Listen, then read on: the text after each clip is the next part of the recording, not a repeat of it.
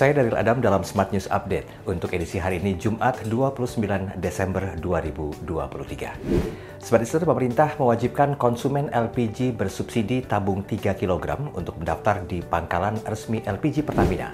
Pasalnya, per 1 Januari 2024, pemberian LPG 3 kg hanya berlaku bagi pengguna yang sudah terdaftar atau terdata.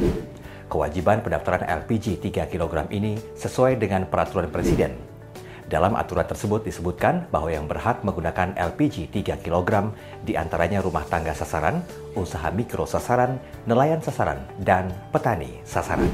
Kita beralih ke berita selanjutnya. Kapolda Metro Jaya Irjen Polisi Karyoto menyebutkan kriminalitas meningkat 32 persen pada 2023 di daerah ini dibandingkan pada 2022.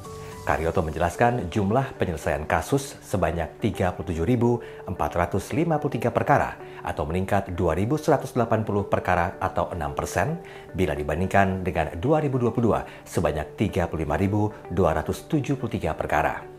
Ia menambahkan untuk jumlah kejahatan yang ditangani oleh Ditreskrim Um naik 50 persen.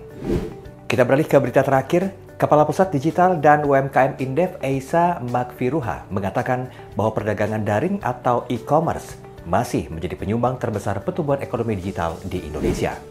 Eisa mengatakan pada 2023 nilai transaksi e-commerce di Indonesia mencapai 62 miliar dolar Amerika Serikat atau tumbuh 18,8 persen dibandingkan tahun 2022.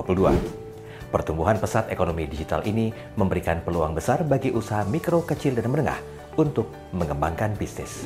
Sekian berita hari ini. Sampai jumpa dalam Smart News Update berikutnya.